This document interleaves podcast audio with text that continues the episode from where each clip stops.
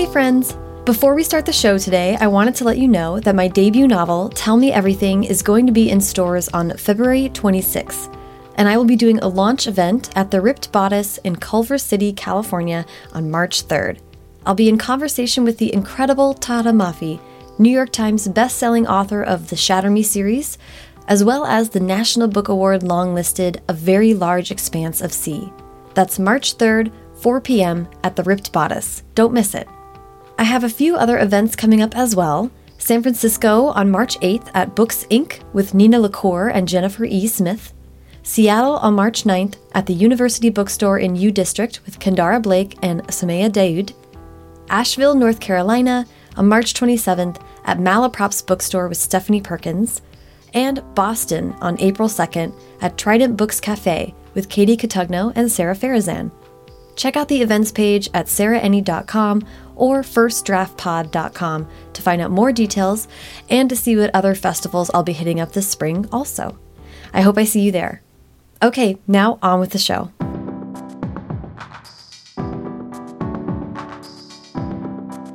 Welcome to First Draft with me, Sarah Enni.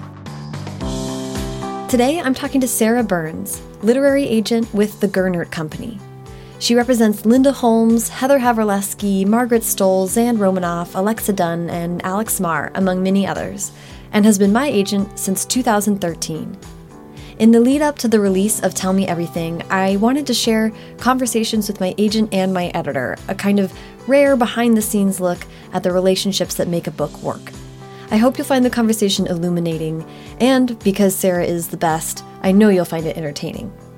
Just a heads up, I messed up the levels on Sarah's microphone while we recorded this, so her voice is much quieter than mine in this episode. So you might want to step away from leaf blowers or aggressive heaters to listen to this one. Okay, let's get to it. Please sit back, relax, and enjoy the conversation. Hello, Sarah Burnes. How are you? I'm good, Sarah. And how are you? it's I'm doing very well. I'm so happy we could chat in your office. This is a little bit of a different interview than what I usually do um, because you are not an author yourself. You are an agent. Uh, you are my agent. agent. so I want to talk about our process, our working relationship, how we got to having my first book come out, but before we get too far into that, I would love to start with a little background for you. So I'd love to hear uh, your background of how you came to be an agent. Aha, okay. So um, I was on the publishing side before I became an agent. Oh, right, right, right. Um, and I was actually in adult publishing. Um, I uh, was an assistant at Houghton Mifflin and then in the Knopf Group where I got promoted and then I got a job as an acquiring fiction editor at Little Brown. And um, I was kind of clawing my way up the corporate ladder, and the higher I got, the more unhappy I was. Mm-hmm. And um, I just realized that, well, two things happened. One, I realized that I was kind of getting the higher I was getting in the hierarchy, the more unhappy I was. Um, but then also, I had a baby and the, at the time she's about to be 19 corporate um, america and corporate publishing was not that friendly to working motherhood Hmm. um, and i really wanted some flexibility in my schedule so Mhm. both then i was sort of thinking okay well i've been in publishing for 10 years what do i do now um, so i decided to switch sides of the transaction basically That is wild and and very cool that obviously agenting appears to be working out for you. um, and you have more flexibility. I know it's like it's great to see you be able to still be with your family and spend time and you can be around when they have important things going on and like i don't know i can't speak for all your clients but when you tell me that you have a kids thing to go to i'm like great that's awesome you have a life Yeah, that's very important Yeah, no, I'm leaving here to go take my son to the doctor. So Yeah, there you go. What was that that like? You know, agenting is a very specific job with a skill set that I don't have. and it's very different from editing. So what was the transition like to that side of the the equation? Well, it's interesting because I felt that my way into my work, the, any of the work that I do, is still very editorial. Mhm. So I read something, I think it through, I think through what could be done better, sort of what the author's intention is, all these mm-hmm. kinds of editorial questions. But then when I go to sell that work, I have thought through the material through really deeply, mm-hmm. and that really helps me uh, position it in the mm-hmm. marketplace also, which then helps me communicate to the editors, which helps me do the deals. So it it's very much kind of of a piece actually. Yeah. Kind of editorial work. And then you know, I mean, you can anticipate the questions or, you know, what the editor's job is in house because editors have to sell it to their team as well. Absolutely, absolutely. And I still, you know, when I'm working on something, I can say to an author like, "This is what goes on in an editorial meeting. Mm-hmm. This is this is the response." You know, when we, I never want to go out with something that I think like, well, we could, you know, we could work on this piece of it, but let's see what they say. Like, we, I don't, I don't, I don't do that. Um, and you also had a lot of relationships because of 10 years of building That's right. coworker relationships. That's exactly right. That's Yeah. exactly right. Um, Which is, I feel like just every time we chat, you're like, I know this person, I know that. It's like you all, you know, the whole city of New York, which is great. But what's interesting is that I didn't really know anyone on the children's side. Oh, yeah. Um, I mean, I had, like, I knew the people at Little Brown, I knew a few people here and there, but really didn't know anybody on the children's side because I hadn't come up on the children's side. Right. Well, So- when you first made the leap to agenting, were you doing adult at first? How did children's get in the mix for you? Children's came in the mix because Ann Brashares um, is a friend, really a friend of a friend, and I always really enjoy talking to her so much. I saw her somewhere and we were having a conversation, and she said, um, You know, a friend of mine is looking for an agent. You know, her book is about to be published, and I think it's going to do well. And that was um, Cecily von Ziegesar, um, right before the publication of the first Gossip Girl, um, which I read, and I was like, Yeah. Whoa, this is gonna be big. Yeah. That was a good prediction by that person. Yes. That's exciting. So, So- was that one of your first clients? She was one of my very first clients. That's Yeah, amazing. She was one of my very first clients. and then you, uh, what about kids, uh, especially YA, uh, made you want to continue to represent that kind of work? well, so I mean, a couple of things. One was that, so that was in 2000, 2001, something like that. I think I was pregnant with my son, who- my middle child, who was born in uh, in September 2001, and so that was it was right after the publication of the first Harry Potter. So that market was just exploding. I mean, literally, the shelf space on in Barnes and Noble was expanding. Cecily was actually those books came out of Alloy, which is a packager, and the head of Alloy told me that it, because of Ann and Gossip Girl, that the YA section of Barnes and Noble had doubled. Something that's that's probably historical hyperbole. I don't know though. I remember not But- being able to find it at all, and then Yeah. in DC, my Bethesda Barnes and Noble, just Yeah. like the whole bottom floor essentially Yeah. was halved, and it was just shelves and shelves of YA. Yeah, no, it was really there was th- this amazing moment where the publishers' lists were expanding. You know, the retail environment was expanding for children's. Um, so it was an amazing moment to kind of step in there. Um, and I mean, as it turned out, I wasn't I wasn't that good at doing the package stuff. Like I'm much better at as as you. I hope you have experience like relating writer, you know, directly to the writer. Well, yeah, you Um, are you are very editorial. You yeah. are you want to be in there, I wanna be in there, helping exactly. bring it to life. Yeah. Exactly. But and then your list is still very varied. You do Yes. nonfiction, you do adult Yep. as well, you do Yep. some middle grade. Yep. Um, so you're still representing a lot of different writers, but you also have beautiful creature. I mean, so YA has Yeah. continued to be something that Absolutely, you seem to be very passionate about. Yeah, well, I just sold Zan Romanoff's new book. Yay! Yay! So excited. Friend of the pod, Zan Romanoff. Uh, very excited about that. Um, yeah, I mean, it's it's cool to see that opportunity have come in, and then you, I mean, your notes on my books were so great. You clearly understand like what the YA market's about. I think. Yeah, well, I think, I mean, historically, I was, you know, reading, you know, for pleasure. I was reading children's and YA. I was, you know, I kind of just as a reader, when I was in adult editorial. I was just keeping up with what was going on on the children's side. And at the time, the you know the adult market was uh, as it is now, like pretty clogged. Mm-hmm. And so, as a new agent, just trying to figure out what I was good at, what kind of material I understood, what markets I understood. When the children's material books started coming in, I was like, "Well, I love this. Let me see if I can make it work." And and then I did re- get extremely lucky mm-hmm. with the material that came my way. It's pretty so, exciting. Yeah. Yeah, the Gossip Girl and then Beautiful Creatures. You have Pseudonymous Bosch as one of your writers. Exactly. A lot exactly. of really, really cool stuff. Yeah. Well, thank you for that background. That's very useful.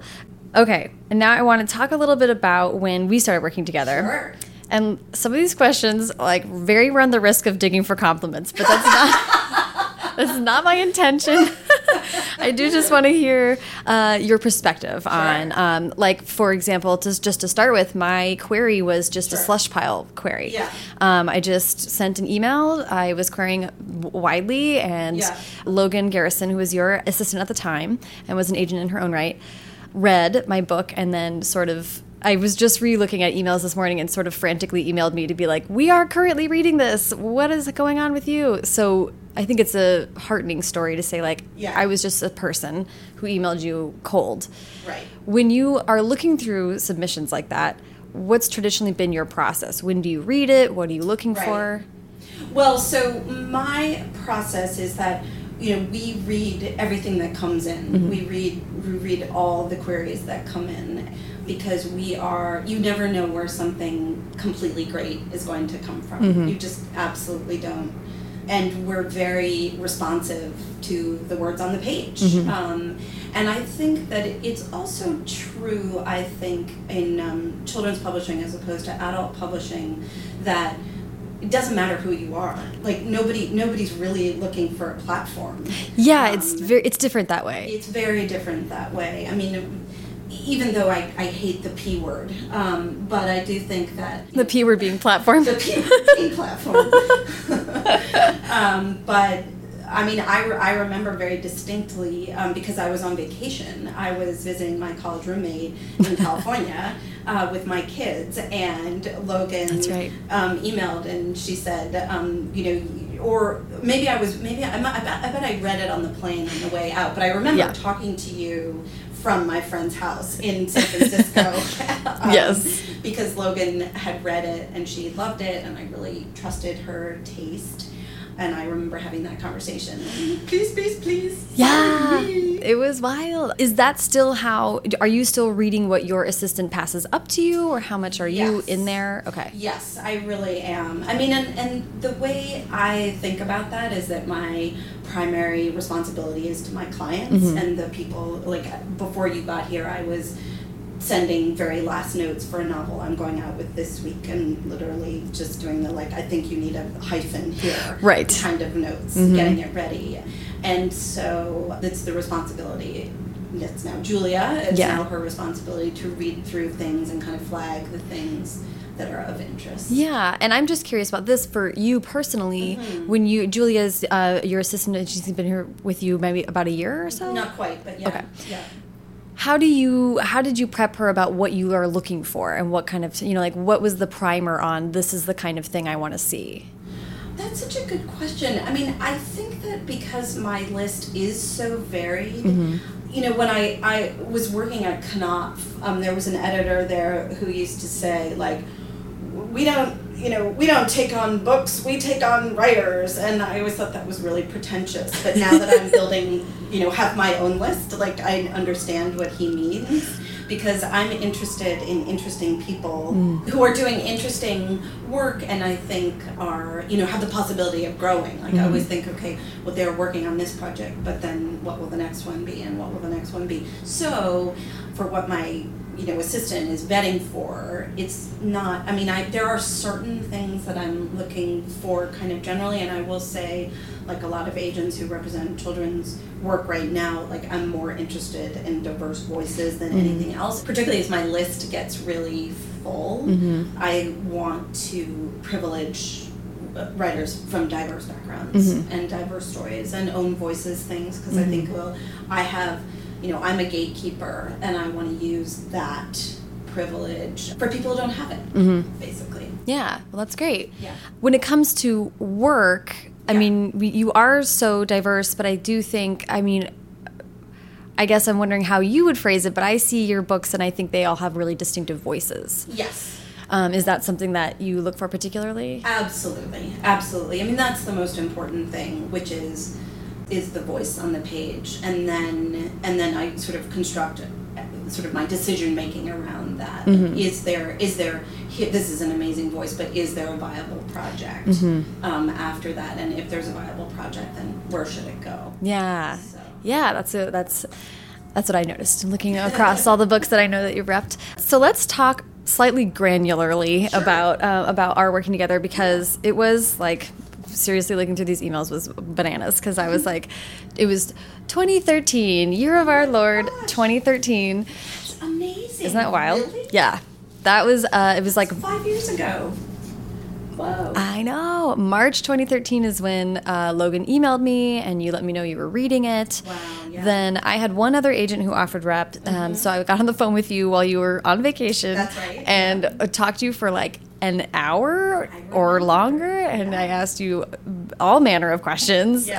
um, which you were very patiently uh, answering, which was great and that so that project for the sake of just this conversation that project is called bright lights um, it's a ya contemporary story it's still like out in the mix but that was the project that you felt uh, i think really responded to Right. i kind of want to i want to bring it up and talk about it because that is a project that as of yet has not sold Right. But you are still so supportive of it, Right. which um, is like a, a boon to me and helps me. Uh, It's good. thank you so much. I still love it, but it, it also means the world to know that you still care and are still thinking about it. Yeah. But you know, I, I have to say, I don't take on things unless I feel really strongly about them, Mm-hmm. and it's not worth it. And so I'm not going to take on something that if a couple people turn it down, I'm like, oh well, I guess that won't work. Like, Right. I don't. You have to. You have to feel, or for me to do my work, I Mm-hmm. feel more strongly about things than that.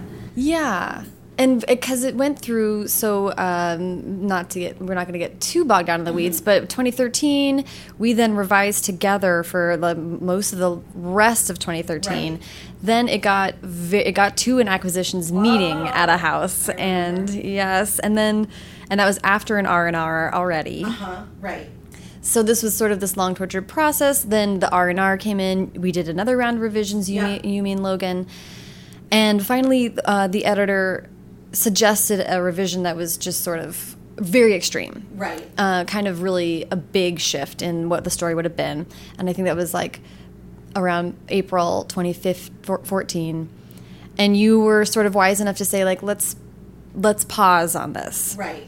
and actually step back from it. I don't want you to keep working for free, basically, and all Right. these great pieces of advice that I was grateful for.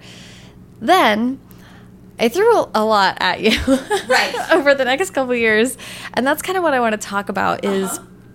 every client agent relationship is so different, Right. And you as an agent have to adjust to all of your different clients and their needs and all that stuff, Right. I just would love to hear your perspective on this because then, like, after we weren't able to sell the book you signed me with for, I then got divorced, moved across the country, started a podcast, uh, had you set up set me up with a couple ghostwriting projects, wrote a couple, wrote one book that went nowhere, wrote another book that's still in the middle of. We'll get back to it at some point, and then eventually we got hooked up with Scholastic and we're writing Tell Me Everything. So it's been like a very wild situation.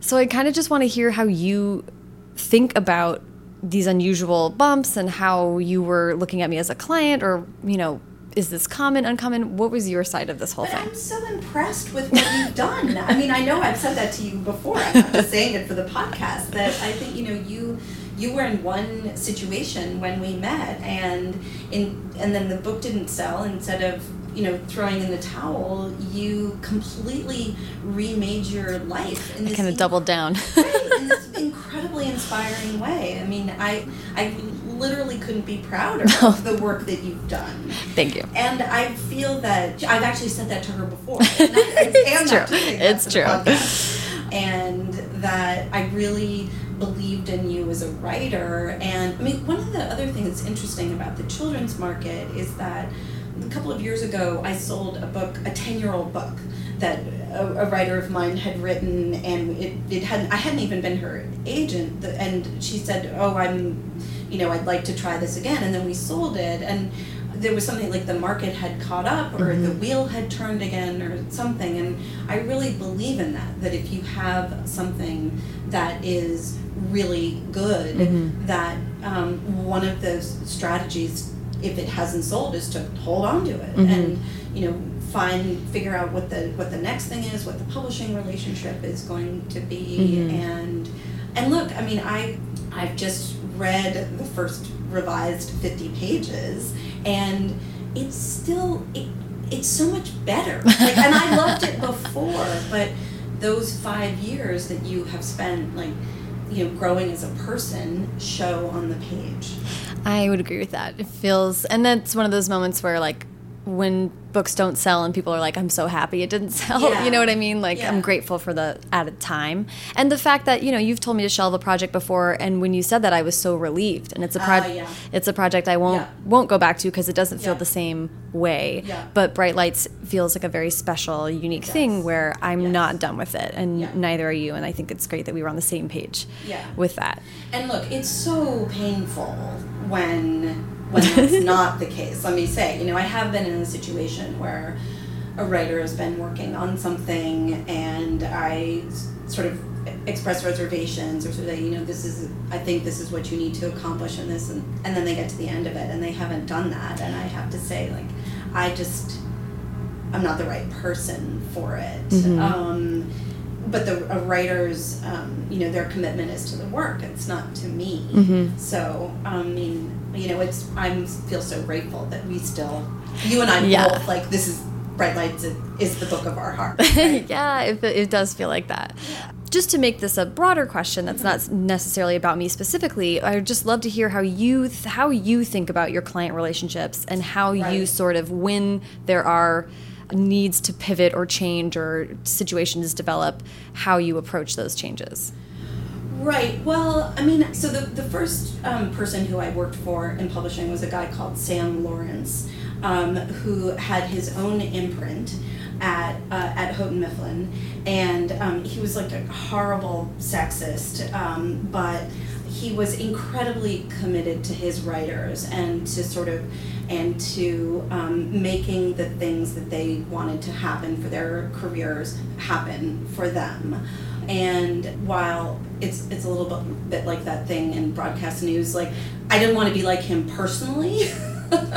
but professionally, I thought that's the kind of like intense commitment that I would like to have with my writers. Mm-hmm. So um, I do think that I'm one of the things I'm better at now than I was certainly when I was than when I was on the editorial side and and even then um, when I was first an agent is kind of understanding what the market, what mm-hmm. any given market looks like, and either how to circumvent its exigencies or or you know plow into it and sort mm-hmm. of say like, I mean, so when Beautiful Creatures came in, I remember thinking that you know the market may think this is too close to uh, the other books that are out there. Uh, whereas, um, and I really felt like what they were doing was making something that was both both really new but very classic. Mm-hmm. Um, and um, so it was super exciting. Yeah, to have all of that go extremely well. yes, but you know, and and I think you know part of my job is to not just champion a writer's work, but understand what what is going on out in the marketplace, mm-hmm. Mm-hmm. and that's also always shifting mm-hmm. um, because you know a, a, bookstore chain will go out of order, or there'll be the rise of the fall of ebooks, or mm-hmm. you know something really surprising will work. Right. Um, yeah, trends are hard to predict. Yeah. Uh, which I'm going to come back and just ask you a little Okay. bit of like Yeah. a broad view um, of the market, but in a minute. But so, I mean, so it sounds like you see part of your job of cultivating an artist, Right. but also helping them contextualize Right. what they want to accomplish within what's like truly happening on the ground. Right. Because that's the kind of thing an author is just not going to know.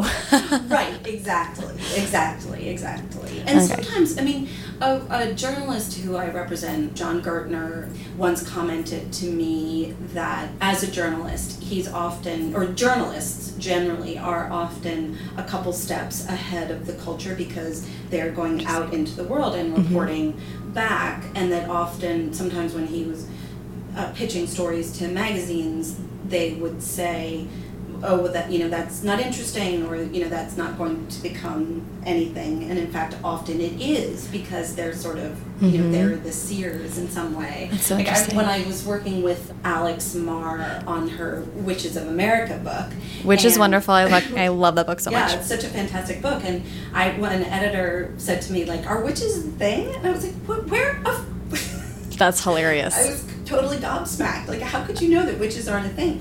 And in some ways, That's you know, funny. Again, on the adult, this is on the adult side. uh, You know, Ruth Franklin's biography of Shirley Jackson. I mean, in some ways, she like created the whole Shirley Mhm. Jackson phenomenon. Mm-hmm. So, so I also think that w- part of my work is letting the writers lead me too, and Mhm. sort of understanding that you know kind of where they're going is, and kind of beating that path, helping them beat that path. Yeah, you know, this is that's such an interesting point. And I was just having drinks with the editor Vicki Lame, who works at St. Martin's. Um, she's a wonderful editor, Oh, yeah. super fun to chat with. And she was talking about how she's really looking for like uh, diverse rom coms. She was like, I just Uh-huh, want oh, like yeah. smart fluff, you know. And she was like, Yeah. we used to call it fluff, and now it's a whole different kind of fluff because it's really smart too. Uh-huh. Um, you know, she was just saying that's really what she just wants to be reading at this moment. Mm-hmm. And I was like. I'm with you. I'm ready for rom coms of all kinds to come back, uh, movie, TV, and otherwise. Right. And but then I was thinking, you know, it's so interesting. Right in the aftermath of the election, it felt like we had this six months of books come out that were that felt like omnisciently timed. Yeah. It seemed like there was this then like a lot of dark feeling books that came out right after uh, Trump was elected, and everyone was like, "Oh, this is a book for the moment" or whatever. But we all know as professionals that's been in, those books were written years ago, Yeah. and sort of in the foment of Trumpism. Yeah. And now Yeah. we are getting, I think, the first books that have been written since all of that went down. And Yeah. truly, a lot of them are like, let's talk about royals and let's have like weddings and let like Right. like respite books. Yeah. And she and I were just a little bit like talking about how either things went really dark or really light, and we're sort of in this strange extreme moment. you know, I work with Linda Holmes, and I read her book last spring, and um, which is this wonderful. Uh, I mean, speaking of fluff, you know, smart, fluffy Yeah. Yeah, pitch it. Is so it's so um, it's a story of a recently widowed woman and the former baseball player who moves into her back apartment, and I called her and said, "This is the first book that I've read since the election that makes me feel better," and she said, "Well, I wrote it to make myself feel better." And I think it's lots more. It doesn't doesn't. It's actually part of the reason why the book is so great is that it's in a world without Trump. Funny. like there's no politics. There's no. I mean, there's only Right. politics, There's only small town Maine politics. yeah, that's it is just sort of funny to to take note of that and think like these are quickly shifting tides, you know. right. And- but I do to the trends question Mm-hmm. is that you know we always you know we we publishing professionals always say this in these you know on panels or on podcasts you cannot trace chase the trends. You can't do it because it takes you know takes Linda's book won't be out for another year. Mm-hmm. So you really you have to you know the work has to really exist on its own, Mm-hmm. um, and particularly for the right. I mean, I think publishers publishers they they can't chase trends, but certainly you know Vicki you know you know she's trying to fill her list for fall nineteen. So Mhm. that's you know. But for you know, for a writer embarking on a project, you know, who knows what the world is going to look like? So Yeah. you really have to write the thing that you really care about. Yeah, yeah. The the trends are organic groundswells that Yeah. sort of zeitgeistiness. Yeah. It's not worth trying to pre-map that. You No, kind of just have to have to hold on for dear life. Yeah. See what happens. I actually think one of the things that's interesting about the children's market also, if you look at the phenomenon that so you had Harry Potter and then you had Wimpy Kid and then you had Hunger Games and like those books don't necessarily relate to each other like you wouldn't have thought I mean Right. so they're the sort of like the huge phenomenon don't Mm-hmm. and then you had Twilight you had Twilight and Wimpy Kid so it's so fascinating I mean in some ways that's that's why you really cannot pay attention to the trends because you don't know what's going to be next. Right, right. That's such a good point. And yeah, don't don't try. It's it never it never works out right. I've had so many friends be like waste a year doing that. So so you were talking about adjusting to like maybe tumultuous career paths for writers. Yeah. But you've Yeah. also had to adjust to your personal life. Yep. Uh, we don't have to get into details, but you had stuff happen in the last few years. You have kids. It's Yeah, a crazy world. Sure, sure. Um, so how how do you think about balancing your personal life with you know your job is really demanding on Mm. Focusing on other people, Yeah. and artists aren't always the easiest people to work with. Um, so how do you think about that? Well, you know, when when my daughter was first born, I was still at Little Brown. I went to uh, big women in media lunch, and there was an editor of um, People who was honored. So this was a it was a lunch uh, room full of women, uh, professionals, uh, mostly magazines, but some book publishing people too. And this woman said something along the lines of, you know, everybody talks about work like work life balance, but everybody in this room knows there's no such thing. And I felt this like sense of relief. Like, oh my God, you mean I actually don't have to keep everything in balance all of the time? And so a lot of it is just being able to accept that, you know, like if, you know, if, if, you know, somebody's sick, well, you gotta stay home with them. Mhm. Like, that's, that's what's required. Yeah. And, um, or if, you know, you have a, you know, you're running an auction, well, you have to show up for that. You know, Right. so there are, by realizing, you know, being able to kind of, as I'm looking at Heather Havrilesky's new book here, What If This Were Enough, which is about, you know, accepting, you know, the imperfections of the everyday. Like, that's my, that's Yeah. my mantra. Accept the imperfections of the everyday. That is awesome. And I feel like I've been possibly saying this on the podcast lately, but I also said it just at BookCon that I had a moment with my therapist where I was like, there's this and this and this, and I know I need to be more balanced and I need to be whatever. And she was like, well, but why? you know, it was such a lovely moment of her being like, the she, the Oscar Wilde quote, right? Everything in moderation, including moderation. Yeah, yeah, yeah, She yeah, was yeah. like, we don't need to be all things all the time every day. That's such a waste of time. Right, Um, right. And it was a big relief to me because, especially, I think as writers, like I just have to know sometimes I'm gonna be working really hard for two months. Right. Then I have the month off or whatever it is, and that's fine. Right. Literally trying to do everything every day is exhausting Yeah. Yeah, you can do it. and not necessary.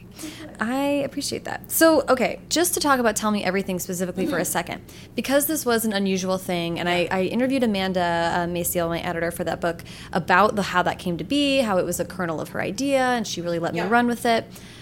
But it was kind of a rough writing process Uh-huh. and it's an unusual you know unusual for me i didn't expect to be doing the ip thing it kind of fell into our lap a little bit how, how, how are you thinking about that project even now Right. No. Well, that's a good question because, as I said, like I, I don't, I'm not, I don't love the IP process because I'm not a part of it and I don't have the way of, of getting into the work. Um, Right. But I really like Amanda, and as you say, this is a business of relationships. And she called me and said, "I love Sarah Enni, and I would really like to do a project with her." And she seemed to, and actually, she's. I think she's read a draft of Bright Light. yes she did Um, so she just seemed like somebody who we wanted to be in business with, Mm-hmm. and that that was a that that was a relationship that I wanted you to have. Mm-hmm. So yeah, the IP, you know, workflow. Like I feel kind of alienated from it, but I know that it's I know that it's the right thing for you. It was it was funny rehashing the emails and being like, "Oh my gosh, that's right. I did like four rounds of revision for you before we went on sub for." Yeah. And, and I was like, "Tell me everything was such a wild thing, and there was no time because I was having such a hard time with it. There, I just wasn't able to give you time to look at it before, Right, exactly. which was crazy. Um, But I, tr- but I do trust Amanda, and I, she seemed like somebody who what it sort of, she understands the market, but it's mm-hmm. also very kind of writer driven, and Yeah. so that was, that was going to be a really good. Ex- I hope, I hope that was a good. Experience. It was. It was a really good, ex- and it just kind of was like a. I feel like the reason I'm talking about it so much is because it's a. I'm like breaking it down. I'm like pro- Yeah, yeah, processing it a little bit before the before it comes out, and I'm excited to talk about it. And I really love the book, but to me, more than anything, it's. I'm so happy I went through that process, and I think I learned a lot Yeah. from it. And I'm excited now to turn to the stuff that I've been wanting to work on, uh, and has been put on pause for the last year or two. Right. Yeah, no, I mean, I think that, you know, you, uh, the thing I always think about is that, that even the, every, all the work you do is the work you do along the way to the thing that will work. Mm-hmm. I was very articulate, but, um, and I think that, you know, tell me everything will be, I mean, what's apparent to me reading the new pages of Bright Lights is that you have grown so much as a writer through that process, and you have, you know, the kind of joie de vivre and humor and and sort of emotional connectedness is still very much on the page, um, but there's a kind of assuredness, which is really apparent to me now, which is really was really gratifying to read. Well, thank you so much. Yeah. Uh, again, not digging for compliments, but I will take them. No, I no. will take them. um, so, so a couple just kind of broad questions, and then I will end with uh, just asking for advice. Oh wow. But a broad question, just of very broad.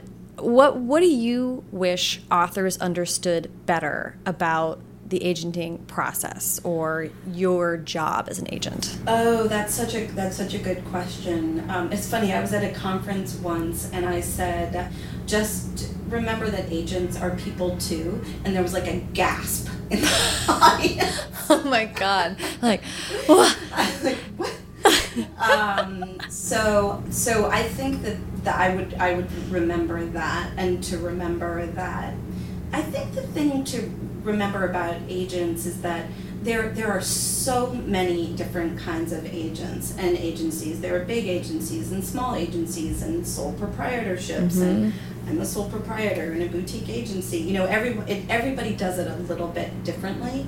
And as a writer, the thing to think about is what what is it that you as a writer need, um, and there will be a good match for you out there. And when you find that match, trust that. Mm-hmm. Because you don't have to be somewhere really famous or you know just go with the person who you think is going to be able to literally represent your work in the mm-hmm. way that you want it represented. It is kind of wild to like it's not only finding a match for someone who responds to your work um, like that was so gratifying to see that you responded to your work but then uh, it, the first year of being like oh my gosh she's having conversations with people that i don't know about Yes. me Yes. and how is uh, you know and i just had such an innate trust in how you were going to do that it was so clear to me that you were going to be great and be all those little things that you don't think just like showing up on time being courteous being someone who's going to look out for my interests you know like Yes. stuff like that. Like you'd always Yes. been professional with me. I just there were levels of trust about how you were going to interact on my behalf in the world. Right. and that's a really important thing for people to think about. Yeah. Yeah it's um i had uh, i i wouldn't even name the agent if i could remember but i did have friends i think go to a conference many years ago and there was a young agent who showed up in like uh, pajamas basically and it was like well you just you know there's casual and then there's Right. unprofessional and it was just a thing to that everyone was like oh taking note you know yeah it matters right right so anyway Yeah.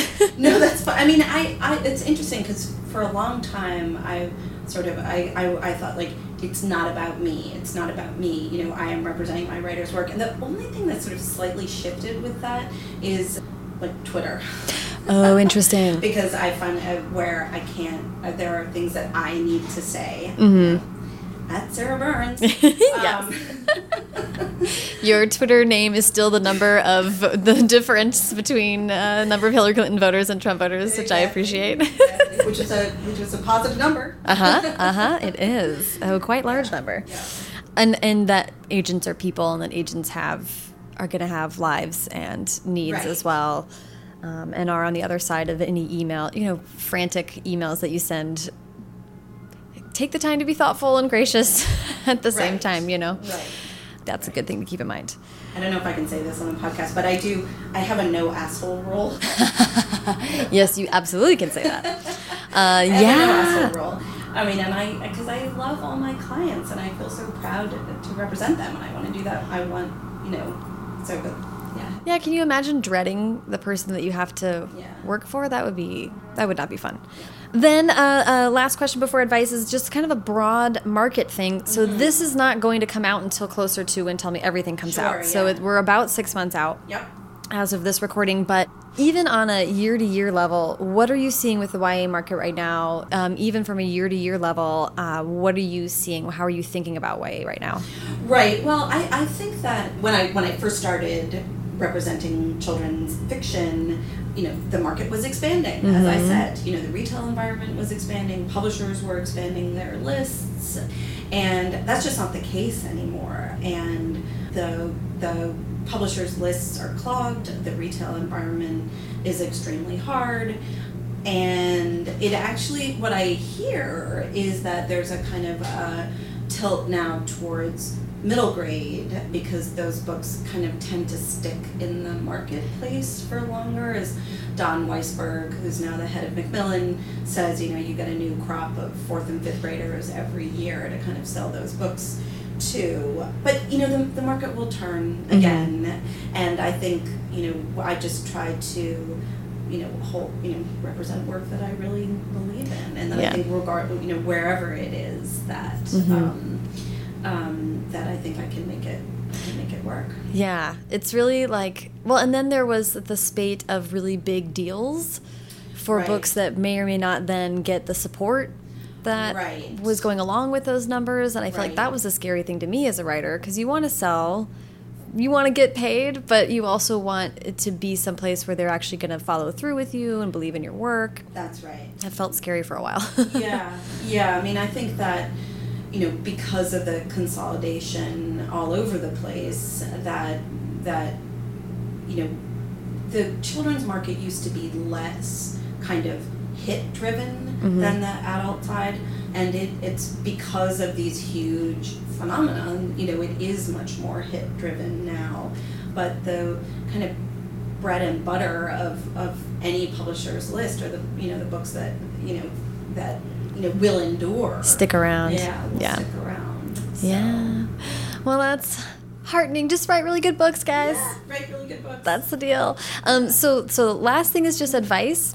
Yeah Um, why don't we? Do, how about advice for authors who are querying or who, for who are looking for agents? right right so the my biggest piece of advice is hold on to your work for as long as you can and um, use your network to have other people other you, you know have your peers read it and give you notes you join a writing group Mhm. you know you want you want to keep that kind of book out of the uh, professional realm um, for as long as you can because um, and I, I will say I sometimes I think that um, people use the querying process as a as a kind of um, you know writers group, you know, and which is not a good idea. Not a good idea. You want to use your writers group as your writers group, and then really polish the work as much as you can before you go out with it, because you only really get that one shot at that one time. Mhm. So Yeah, I think that's that's really great advice, and that's not actually what people hear all the time. really, Well, just I think have it ready, but I actually think it's important to say like give it time. give it time. Oh, absolutely. Well, this has been such a joy. Thank you so much for sitting down and chatting with me. Thank you so much. This Yay. was really fun. Yay! Awesome. I'm so proud of you. Thank you so much, Sarah. Thank you so much to Sarah. Follow her on Twitter at Sarah Burnes and follow me on Twitter and Instagram at Sarah Enni and the show at First Draft Pod. There are links to everything Sarah and I talked about in this episode in the show notes, available at firstdraftpod.com. As I said at the top of the show, I have many events coming up, so check out the events page at sarahenni.com or firstdraftpod.com for those, or sign up for my newsletter to get all that information sent directly to your inbox. Haley Hirschman produced this episode. The theme music is by Dan Bailey, and the logo was designed by Colin Keith. Thanks to super intern Carter Elwood and transcriptionist at large Julie Anderson. And as ever, thanks to you, Books of My Heart, for listening.